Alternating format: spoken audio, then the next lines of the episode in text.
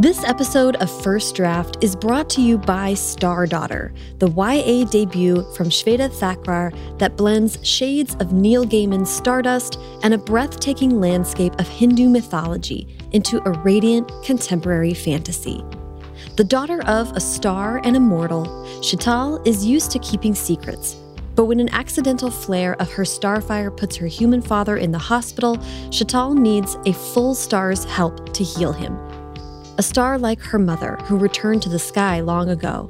Sheetal's quest to save her father will take her to a celestial court of shining wonders and dark shadows where she must take the stage as her family's champion in a competition to decide the next ruling house of the heavens and win or risk never returning to Earth at all.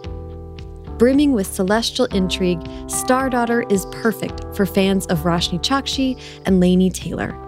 Stardaughter by Shveta Thakrar is available now wherever books are sold. This episode is brought to you by Revision Season. Revision Season is a seven week virtual master class in revising your novel, led by Elana K. Arnold, author of Printz Honor winner Damsel and National Book Award finalist What Girls Are Made Of, and more. I'm lucky enough to be taking revision season for the upcoming session, which begins September 20th. And Elana has already sent me my zero week packet, which comes along with a video lecture and a transcript of that lecture, and three assignments I can do to be ready when the course begins. From there, each week she'll send a video lecture and transcript, along with more assignments designed to help you put the week's lessons into practice. Writers can ask specific questions in a weekly live call, and all revision season writers connect in a private, moderated forum. By the end of revision season, writers will have the tools they need to deepen, enrich, and grow their current manuscript to its next incarnation. If you've listened to Elana on the podcast, which you should, you know that she exudes this kind of gentle, sage like energy and complete joy for the craft of writing. I can't think of anyone better to guide me and every other writer through a very scary process, which is revisions. If this sounds right for you, there's still time to sign up for the next series of revision season, which begins on September 20th. Students who enroll before September 1st get $100 off the price of the course. Learn more about Elana and revision season and sign up for the course at elanakarnold.com.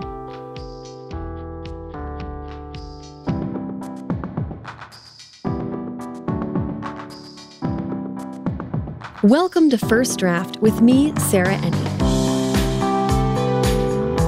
This week is a really special episode. I'm talking to legendary editor Arthur Levine founder of publishing house Levine Querido, and formerly president and publisher at Arthur A. Levine Books at Scholastic, as well as the author of picture books, most recently, The Hanukkah Magic of Nate Gadol. I was so honored to speak with Arthur, and we really dive in to get his perspective on the surprising skill set that he uses most as an editor how the corporatization of bookselling and publishing over the last two decades, as well as the advent of acquisitions meetings, have impacted children's literature, and how starting his own publishing company is kind of like a throwback to the earlier stages of his career.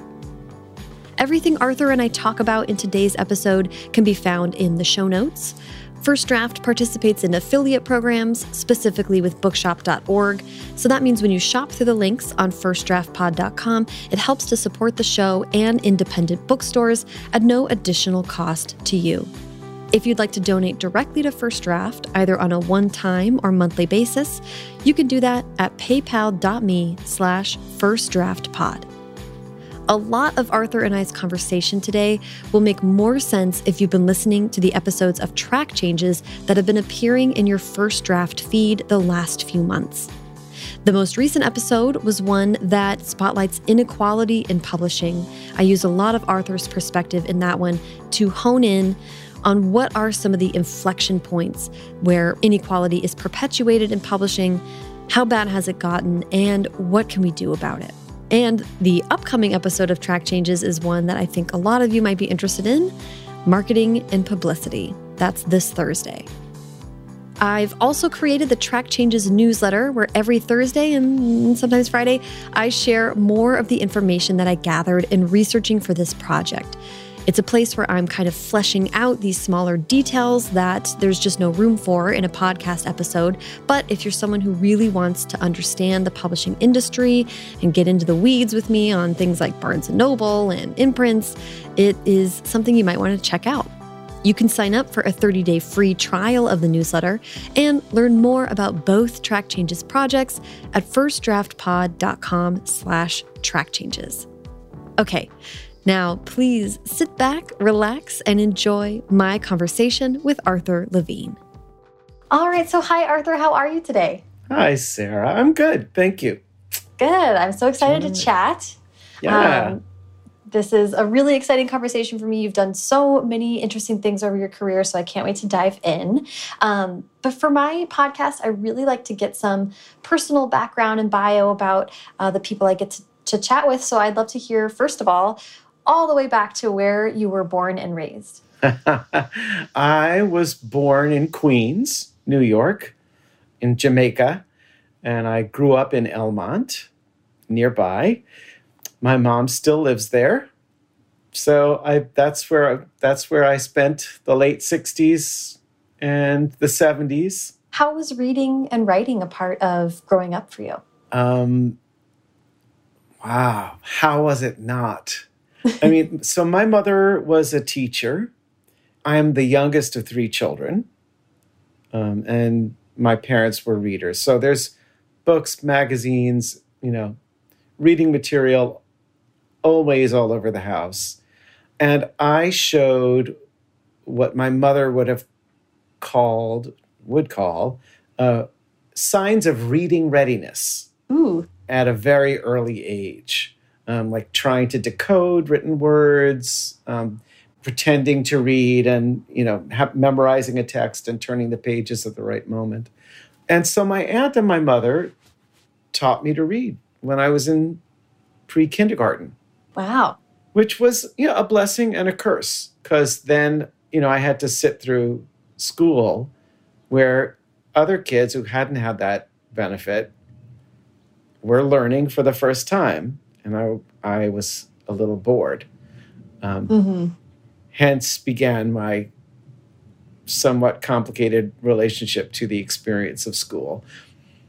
But my relationship to reading was never complicated. It was always a joy. Um, I loved books. I'd love to ask about um, you uh, went to postgraduate school to study publishing. Um, I'd love to just ask about when publish when when did you do you remember when you became aware that this was like an industry or a business that you could do something uh, for a job that had to do with books? Well, the way it worked in my family was the default was you're supposed to become a doctor. Mm -hmm. And, you know, barring that, you're supposed to go to a good college. So mm -hmm. everything up to college was your responsibility was to get there, was to get the grades, to excel, mm-hmm. um, and then and you're you get yourself into college, and then while you're at college, you get a an excellent education. So I did all that, and then I got to my senior year and thought, "Whoa, okay, poetry, not going to pay your rent. how how are you going to pay your rent?" So I just started looking, and I, you know, I, I think I literally it was as banal as I went to the career office and saw that you had some pamphlet or flyer that said, "Well, if you like to read, you know, publishing is might be something you would consider." So I said, "Okay, what the heck?" And I got an internship my senior year with a literary agent and then I went to the Radcliffe Publishing Procedures course. And these solidified this idea that it might be a place that would be that would connect my passion with mm-hmm. uh, a paycheck of some sort. um, and you know, it, it, I think I did not realize what I really needed in order to be a good editor until you know, a decade later, I've been doing it for a decade, you know, then mm-hmm. I thought, oh, you know what? Actually, you know, these things are all helpful, but it's this set of skills, actually. Um, it's this, you know, honestly, it's the set of skills that you use for friendship. Mm. Um, and it's your, you know, I'm an intimacy junkie. So publishing is good for me because the the work of working with somebody on writing that they care deeply about is a very intimate uh, endeavor. So, yeah, I love that. It's so interesting that you kind of got started with a glimpse into kind of an agency and working at the agent background, but did you always know that editing was where you wanted to end up? Well, it started with the typical ignorance that most people have that there is anything else in publishing. But that is actually something that was very helpful about uh, the Radcliffe course, which is now the Columbia course. Mm-hmm. You know, I, I got to hear about many other different super crucial, important parts of publishing, uh, like finance and subrights and sales and marketing and publicity. Mm-hmm. And those things, um, you know, all interest me to some extent, but I don't know that I they they don't use my central skill set. I heard that you got your first job at GP Putnam Sons. Um, I read that you answered an ad in the New York Times to get New that New York Times ad. Isn't that crazy? it's kind of wild. Again, it's like this is, but this is my life. Like I'm a, I'm not a person who has ever gotten things by some crazy bit of magic. You know, informational interviews. Mm -hmm, I did mm -hmm. those where I would call people I knew or had a tangential contact with or I'd met at the Radcliffe course and say, even though you know you don't have a job, can you talk to me? But that never got me a job. You know, I even I wrote Susan Hirschman and said I had read an article where she said she wrote Ursula Nordstrom. Oh, funny. And and said, "I may I can I sweep your floors? I'll do anything to work with you." and she got it. That's how Susan Hirschman got to work for Ursula Nordstrom at Harper. Wow. So I wrote to Susan Hirschman and said, "I'll do anything to work for Greenwillow. I'll sweep your. Can, may I sweep your floors?" But I guess it. it was a different time. It wasn't. I was. I didn't have lucky timing. Uh, I'm a guy. You know, there's a lot of things that didn't didn't work in the same way. Mm-hmm, um, and mm-hmm. that I did not get a job with Susan Hirschman, but I applied for this job at Putnam, and it turned out that Margaret Frith had gone to the same publishing course as I did mm-hmm. many years before. So she she saw that and she liked that. Um, so she interviewed me, and we got along very well. So did you always know that you were interested in uh, children's and working in kids' books? Yes. By the time I I left the Radcliffe publishing course, I knew. Um, I had an inkling. You know, people were always giving me picture books. Mm. My mother is an artist. Um, I, I, had a feeling for art, and as we talked about earlier, uh, a real interest in poetry and poet, poetic use of language. Mm-hmm. And if you put those two together, you have picture books. Mm-hmm. But I was also interested in other forms, you know, fiction, nonfiction. Um, children's books has a re- remarkable spread of uh, uh, different kinds of books that we publish, each one with its own requirements like poetic forms, like you know, mm-hmm. sestinas and things like that, sonnets. You have your easy to read, you have your chapter book, you have your mm-hmm. middle grade, you have your young adult novel, and you have picture books of all kinds. So mm-hmm. I knew that. And one of the things that Radcliffe did is many times they would send all the students out into bookstores and say, notice where you wind up notice what section you're at you know mm-hmm. that's probably the section that's probably what you want to be working on yeah so that was yeah. good yeah so that that that convinced me and in my exit interview the head of the course said what would you, you know, what are you going to try to do? And I said, I really want to be a children's book editor. And he said to me, mm, Don't do that. You'll you'll you'll never get a job. There's only a handful of jobs in and people never leave them. So don't be a children's book editor. Wow. I said, thank you very much. But I want to, I do want to ask about your experience of moving up. Um, from what I could tell, you went from Putnam Sons to Dial to uh, Knopf uh, books for young people, and then, as you say, to onto Scholastic. Um, it was actually Putnam Dial Putnam.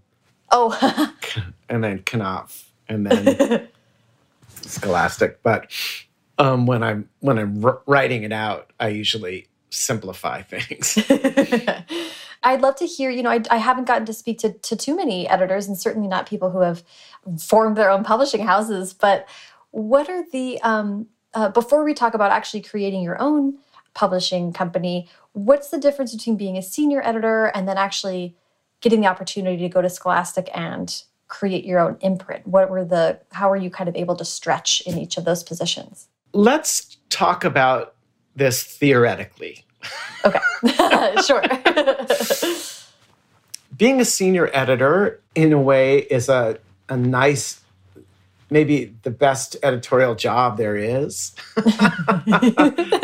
if you're if you're in the right place, because mm-hmm. Your only focus is on the books that you acquire and edit. And yes, you're going to help. Uh, if you're working in a corporation, you know you're going to have to constantly be greasing palms and bribing and, and not, I don't mean literally, um, yeah. you know, working behind the scenes. But hopefully, you're the head of the department is going to be doing taking on most of that work. Mm-hmm. So, the idea of having an imprint is that you are you you're the company that gives that that establishes the imprint um, agrees that this is what the imprint is about mm-hmm. and uses that as a way of marketing a certain kind of book mm-hmm. that they they then get behind you know particularly agents and authors get to know that imprint for that kind of book and then it draws those kinds of projects to them Mm-hmm. Um, so at the at the time in 1996, Scholastic had been very well known for Goosebumps and mm-hmm. the Babysitters Club, and you know all of these wonderful series, uh, the Magic School Bus, mm-hmm. Clifford the Big Red Dog. But what they weren't known for so much was literary literary fiction and uh, you mm-hmm. know award winning picture books. Uh, I was, you know. Mm-hmm. So mm-hmm. the idea is let's get this guy to come over, and agents and, and artists and authors will say, oh, I normally think of Scholastic as this way, you know, but there now here's an opportunity to submit this kind of book. Mm-hmm. So I think that's that is theoretically the difference. You know, you're you're you're your own imprint. You're heading up an effort that hopefully matches up with what your what the company wants to be doing. Yeah. Yeah, I love that. Let's let's ask about the change in children's publishing. When you got the chance to go over, I mean, you've been in children's publishing your entire career. You've seen so much change. I'd love to hear not only how you how you've seen it change and what what what that what changes stand out to you, but also how you think you've had a hand in that through having your own um, imprint at Scholastic? Hmm. Yeah, I don't. I don't see myself as. I see myself as being affected by rather than affecting. Um, mm-hmm. But yes, uh, I. You know, since so I started in the industry in 1984, mm-hmm. and and I definitely have seen waves of different waves that have affected publishing in 1984, that was kind of the beginning of when many librarians um, who were extremely knowledgeable and passionate about children's books started to open their own children's only bookstores. Mm. So that the mid and late 80s was the first wave of independent booksellers who just really were about quality and about their um, their mission um, mm-hmm. to to get behind and talk about and sell uh, quality mm-hmm. books was was there and the market opened up for children's publishers who before then i mean had always been selling to bookstores i mean that this that was not new but the market became bigger mm-hmm. whereas all of that quality uh, publishing would have been directed to libraries you know mm-hmm. mostly mm-hmm. now there'd be a good portion that would also be directed to independents mm-hmm. um, and you could and that could be published successfully. So that made a big change in the 80s and then in the 90s there were a couple of things uh, that i noticed. Um, on the positive side there was the fr- that first wave that i i was part of that uh, was called multiculturalism. Mm-hmm. um, and that was i think a movement motivated by teachers and librarians to to try to broaden the range of cultures that were being presented in, in children's books, um, and therefore they created a market for it. Um, mm-hmm. You know, I think one of the themes, if I ever wrote my uh, my autobiography or a, or just a book about children's publishing, is that the sad fact is that while the industry is full of people who are thoughtful about things like race and sexuality and religion and uh, ability, the publish the quote the industry mm. doesn't is a hundred percent neutral. Right. Um, the industry is driven by their perception of profit. Mm-hmm. And so, in and I'm really mostly talking about corporations here. Corporations don't, you know, they don't care one way or the other because corporations are not people. so, multiculturalism presented this opportunity that, oh, look, if you publish this kind of book, it will have a market.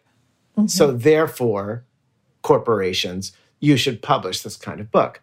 Mm-hmm. I don't know if that actually you could not say that that was an equivalent of the of today's movement but it was something. I'm kind of mm-hmm. i have to bounce around. The other another maybe the other big movement i would cite um, off the top of my head in this conversation was the rise of chain bookstores. Right right.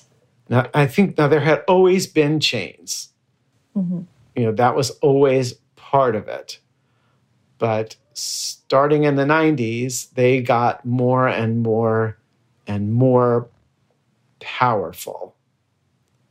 Their buying power. And remember mm-hmm. how I just said publishers, corporations are drawn, you know, like animals to food. corporations are drawn by perceived profit. So mm-hmm. now you have big chains placing the biggest orders and mm-hmm. their percentage of the pie gets bigger and bigger. And that also centers power mm-hmm. in the person in the in the within the corporate publisher who sells to those places. Mm-hmm. And this, you know, mid 90s is when the phenomenon of acquisitions meetings starts. Interesting. Okay. People don't seem to really talk about this, but for me, uh, I'm trying to choose my words carefully. yeah, take your time. This was like a little like a rip in the seam uh-huh. of, what, of what publishing had been that gradually was torn open. Mm-hmm. So when I started, for better or for worse, I mean, there were a lot of problems, you know, particularly the huge racial imbalance was absolutely there and has barely gotten any better. Um, mm-hmm. But some things like this were better, in my opinion. That the way that it worked, for the most part, was that an editor would fall in love with a project and then would go to his or her publisher, and that publisher would say, I agree, let's do this. Boom. Mm-hmm. And it would happen. And then the, the company would figure out the best way to sell and market the book to make that book a success. Mm-hmm. Like you don't think that you're not under the impression that that's what happens for the most part. no, and, and I'm I I really want to like I just want to reassure you that I've been in the middle of doing this um, podcast series about how publishing works. So I've I'm in the middle of talking to people about acquisitions meetings and marketing and how much all of this is being driven. So I'm obsessed with hearing about this. so yes, right. please continue. So now at a at a acquisitions meeting, um, what it is is the the editor is a supplicant.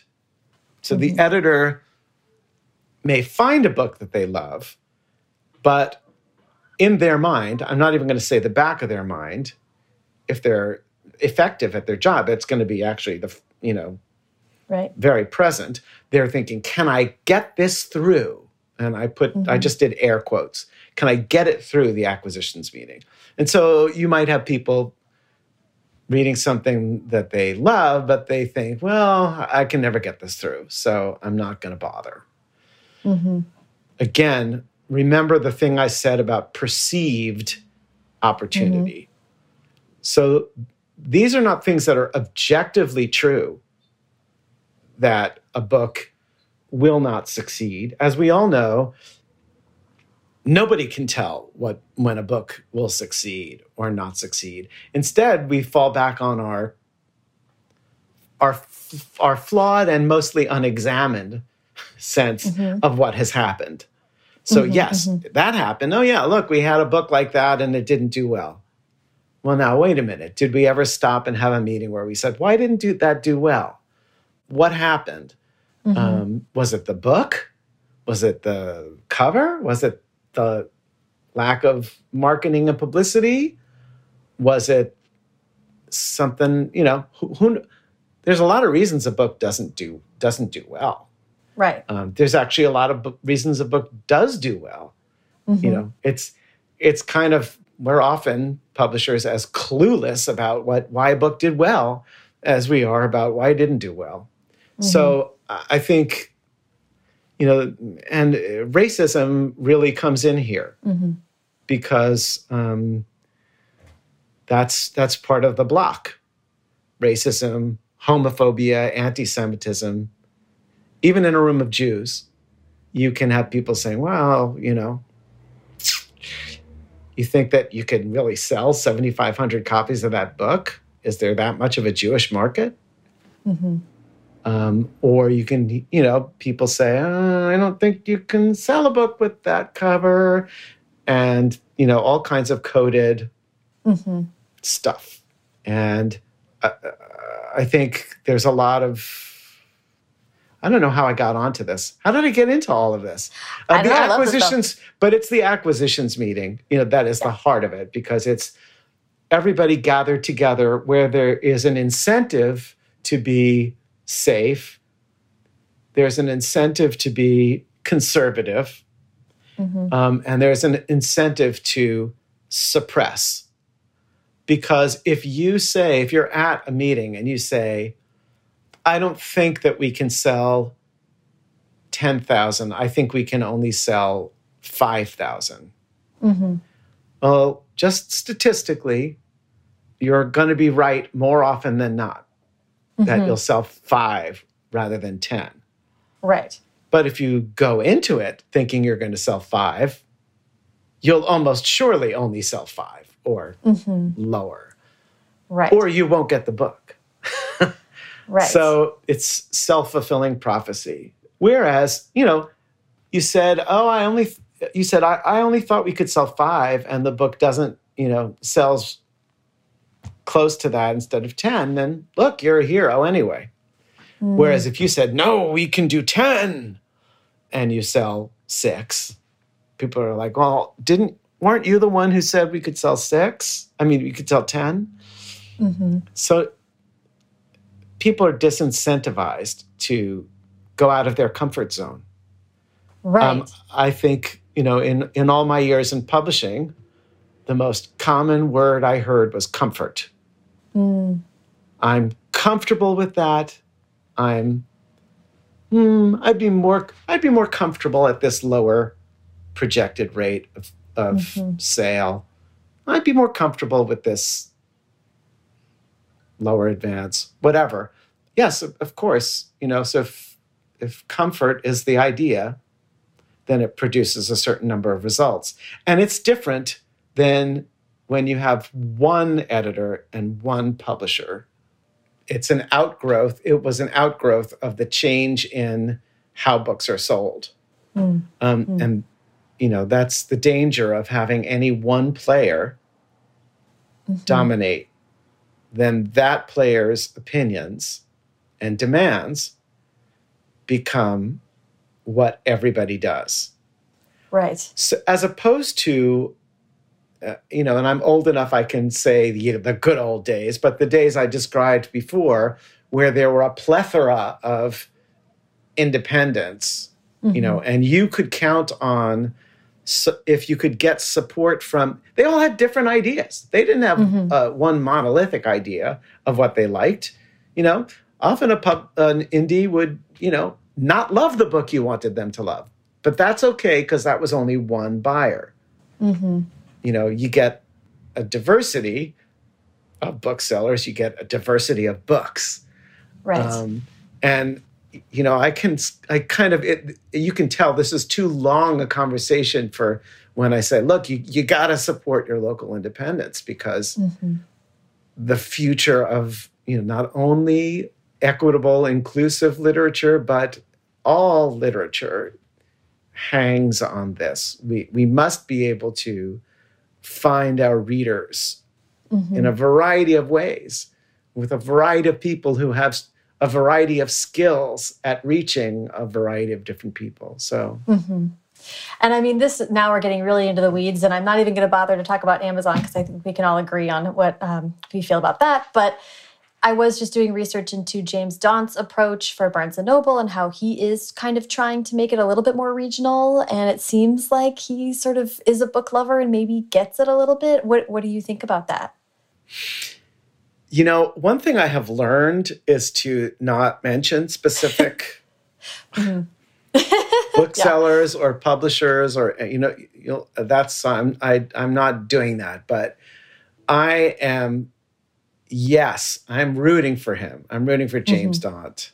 Um, I'm rooting for B&N. Like mm-hmm. B&N isn't the bad guy anymore. right, right. um, you know, yeah.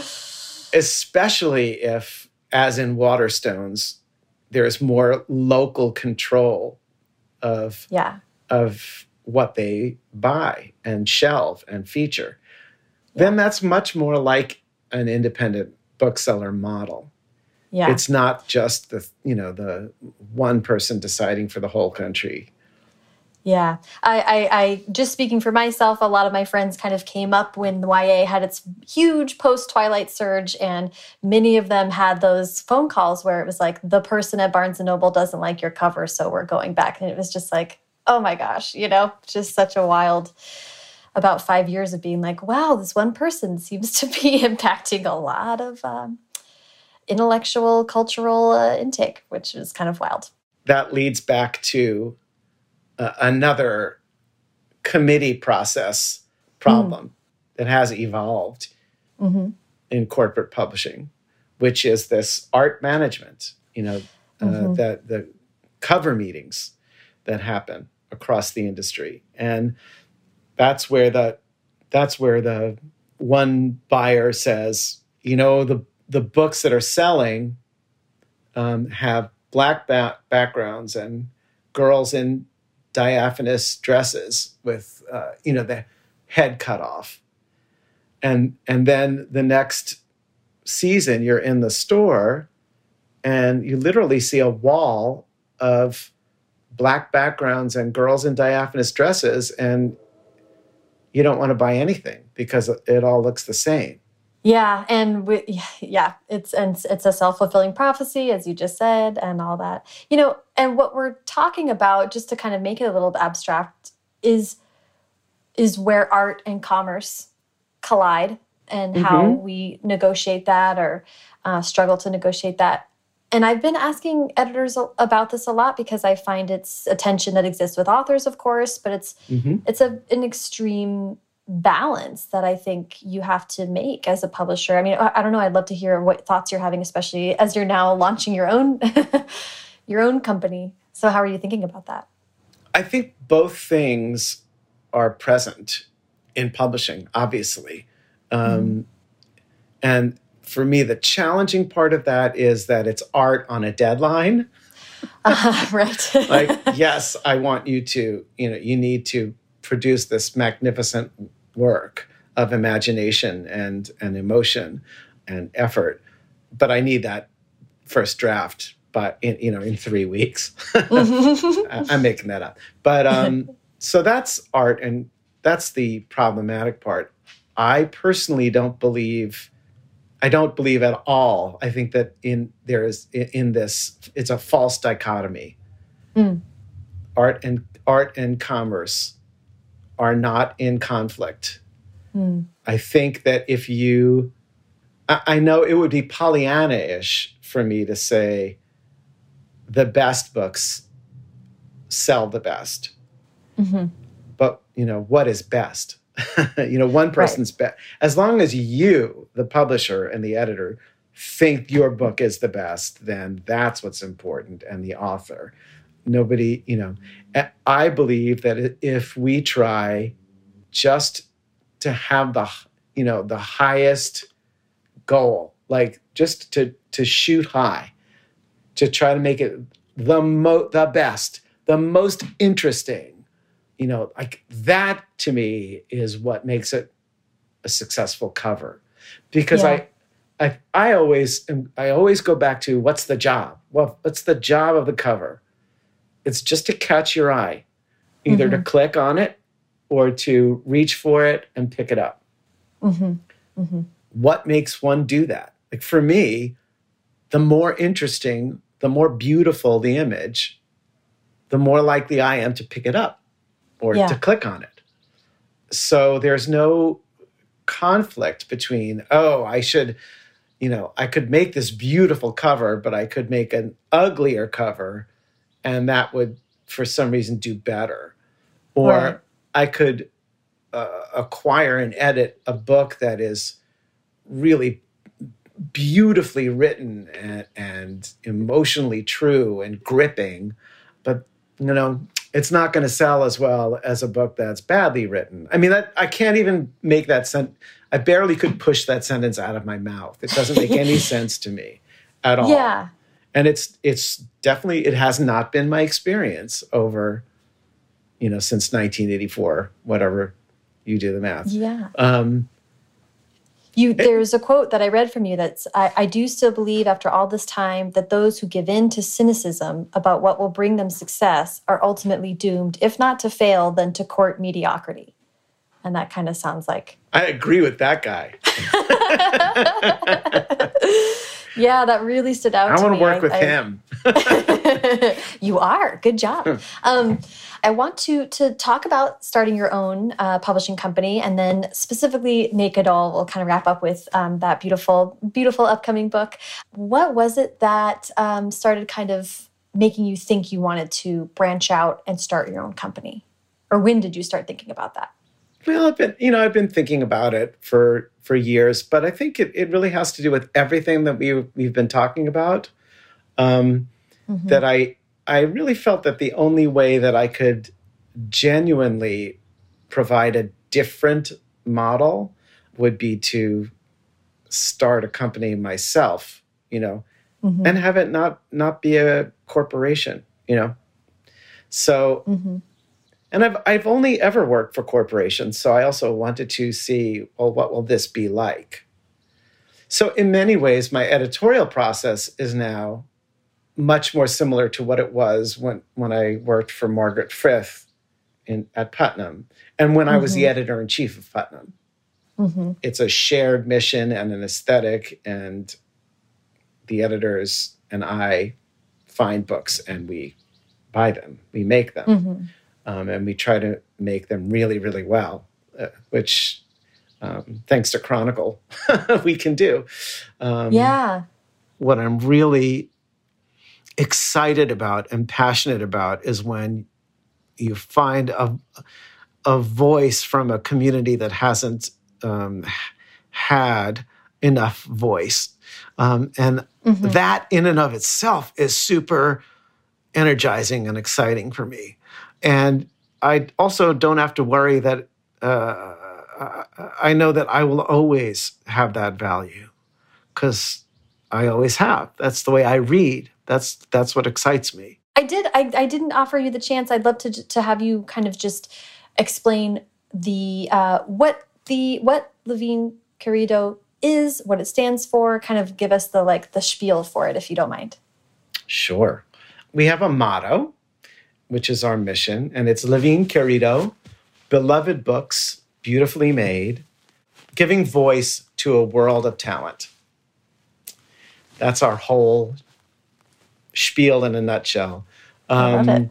And there's the, there are these two lists: the Arthur A. Levine list, which um, is dedicated to books written in English, centering previously underrepresented voices, um, Indigenous writers, BIPOC, you know, people with disabilities, minority religions, folks who have not gotten the chance to be to have a, a platform sufficiently um, and historically and systemically. Um, so it's one of the ways I just hoped to flip things.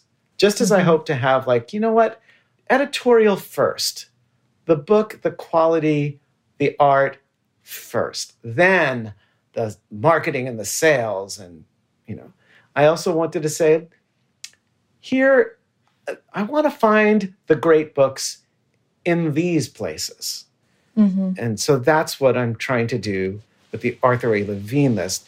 The M. Querido list um, is named after Emmanuel Querido, who was a Portuguese, a Dutch Jew of Portuguese descent. And those books are culling from books from around the world in many different languages, from many different cultures, and choosing some of the very best of them that we think American readers should have a chance to experience and translating them. And that is really exciting. So that puts that, and I think that that is connected to my Arthur A. Levine list. I mean, that the idea that great books would only come from white people and you know certain European nations is just leaving out this a tremendous resource of great art and literature. Um, So I'm I'm just wanting to open a door for that. I want to just give you the chance, if you if you'd like to, to talk about your kind of your first slate. It's fall 2020 is the official launch, I think. Yeah, Uh, yeah. Do you want to give us the rundown? you know, um, it's uh, I I will almost get tongue tied. Uh, our first three books are. Um, the first book is Daniel Nayeri's uh, Everything Sad is Untrue, a True Story, which has already gotten six starred reviews uh, and is just the most brilliant combination of poetic storytelling and uh, earthy humor. And it's a contemporary kid in an Oklahoma classroom, and it's stories of ancient Persia, and it's all comes together to tell the story of this one refugee kid and his experience. And it, it's remarkable and, and can be read in hundreds of different ways uh, through different lenses. And I'm so, so proud of it.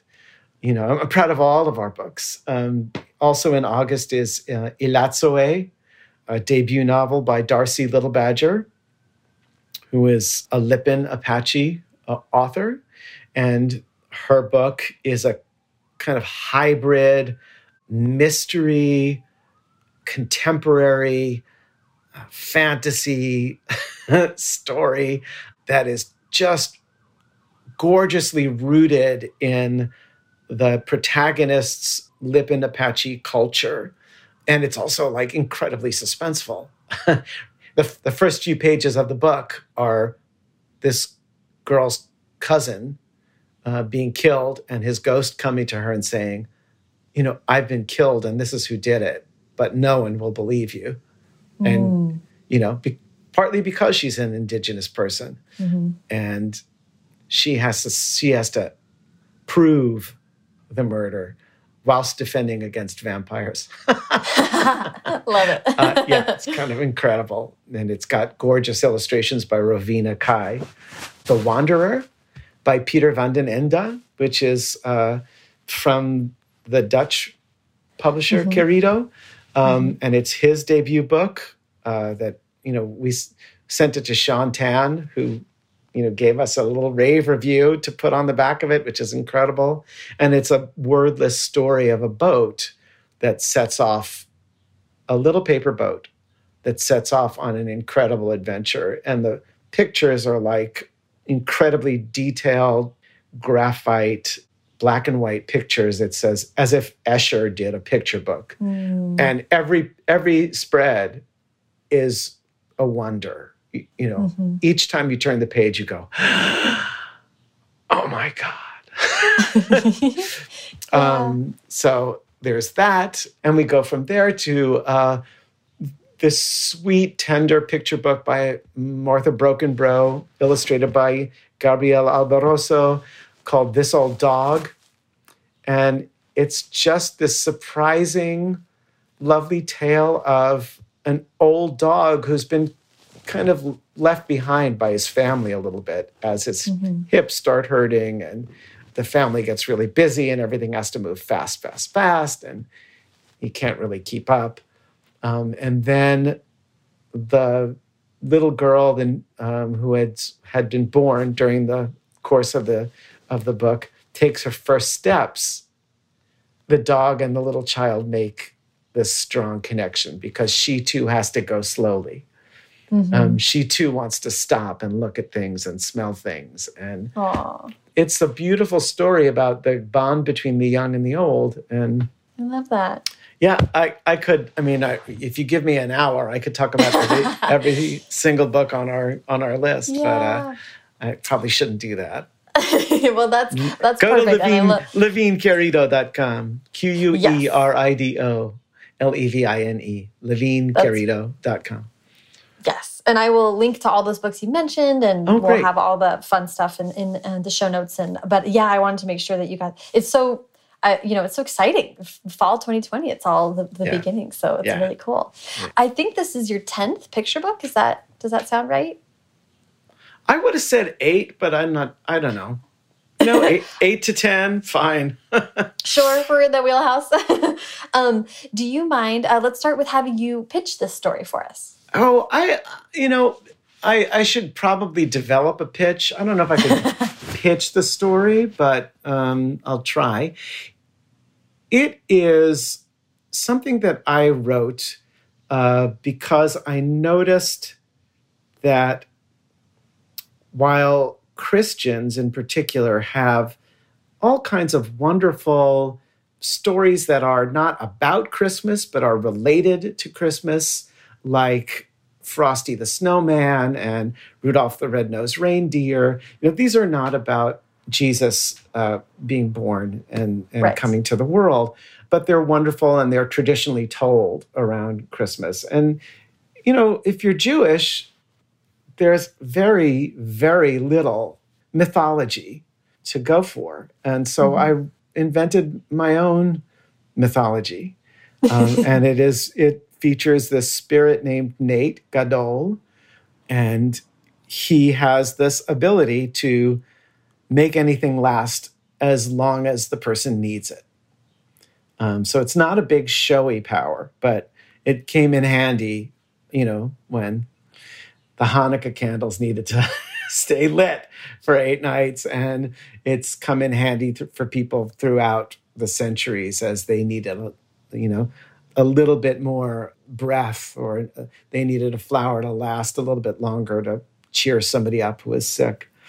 And it's it's about how he creates a lovely moment for this Jewish family um, mm-hmm. that happens to take place in around the time in America that Jews started giving presents for Hanukkah. So, a, an even shorter way of, of pitching this would be to say it's a mythology about the beginning of gift giving at Hanukkah. I love um, that. Yeah. yeah. And, and it's uh, the, oh, filled with gold. Candlewick put all sorts of gold, all, you know, gold foil, not, not just on the cover, but on the inside. It's really beautiful production. Kevin Hawkes, I am lucky enough that Kevin did the illustrations, which are so beautiful. Yeah, it's it looks like a really gorgeous book, and Candlewick always does such a great job. So they sure do. Um, Karen yeah. Lotz, thank you. Shout out to Karen Lotz. um, I, I, like to wrap up just with a quick piece of advice. it's hard to be like, can you give advice for someone who wants to create their own publishing company? But what, what about what about uh, someone right now who is maybe interested in uh, becoming a part of the publishing industry? What would you have uh, as a piece of advice for them? Um, at what part of the publishing industry? The publishing side, the writing side? What side? Uh, oh, the um, the publishing side, since that's I, I so I get to speak to authors a lot more often than I get to speak to editors. So I'd love to hear about that. I think um, that actually the best piece of advice I got and that I give to both writers, artists, and prospective publishing folks is to start paying attention to the books that you love and you know get a notebook and make a bunch of lists and keep track of who is publishing the books that you love. Mm-hmm. Um, and at the end of the, you know, end of a couple of months, do you say, if you're a, a picture book person, yeah, you know, as I did, Greenwillow, you know, I've got five Greenwillow books. Like now it would be, you know, Anne Schwartz, she, she mm-hmm, can do no mm-hmm. wrong. Um, you know, Candlewick, Candlewick, you know, what every book is gorgeous. Um, mm-hmm. uh, you know, same thing, middle grade. These are the people who share my taste. Um, mm-hmm. These are the people who are doing books that if I was working on them, I'd feel proud. And it would, mm-hmm. you know, that would carry me through the difficult parts right. entry level. Because there are. Um, there are parts that that are diff- that suck, you know. Mm-hmm. And if the only way I think you make it through is if you say, okay, this part of it sucks, but I can't believe how great it is that I am helping make these particular books. I'm really proud of them. So I'd make those lists. And then when I was ready to start informational interviewing, I would try to find out who were the editors. Like if you want to be an editor, mm-hmm who worked on them, you know, mm-hmm. Mm-hmm. and write to them and say, you know, could you have time to talk to me? There's these all these books that you did that I really love, and I. I mean, frankly, it's the it could be the same with sales or marketing or you know, finance. You know, mm-hmm. boy, I mm-hmm. wonder when the last time a person in finance got a letter to say, you know, I think it was really. Um, how did you afford you know, to have both foil and headbands and tailbands and spot varnish on this cover, you know, I, I, that's remarkable. Like, you know, I'd love to hear how you you help make those books stay profitable. You know, mm-hmm. think how compelling that would be. How could you not give that person a job if you were a finance person? Right? Or at least I love with, a good spreadsheet. Here's I, can I, I I would really love to see your spreadsheets. You know, they must be amazing. yeah, yeah. I mean, one thing I've learned in this job is is that people want people care about what they do and they want to talk about it. So if you can approach them with respect, it's it goes a long way. For sure. Yeah. Um, Oh my gosh, what a joy. Thank you for this conversation. This was so wonderful. Thanks. Thank you so much to Arthur. Follow him on Twitter and Instagram at Arthur A. Levine1 and Levine Querido at Levine Querido on both as well. You can follow me at Sarah Enni and the show at First Draft Pod. A quick and easy way to support First Draft is to subscribe to the podcast wherever you're listening right now and leave a rating or review, you know, anywhere you please, but it really makes a difference on Apple Podcasts. It only takes a couple minutes, but Apple Podcasts has a kind of mysterious algorithm where ratings and reviews help us get in front of new listeners. If you have any writing or creativity questions that me and a future guest can answer in an upcoming mailbag episode, call and leave that question at 818 533 1998, or you can record yourself asking the question and email it to me at mailbag at firstdraftpod.com. Haley Hirschman produces First Draft, and today's episode was produced and sound designed by Callie Wright. The theme music is by Dan Bailey, and the logo was designed by Colin Keith. Thanks also to transcriptionist at large, Julie Anderson.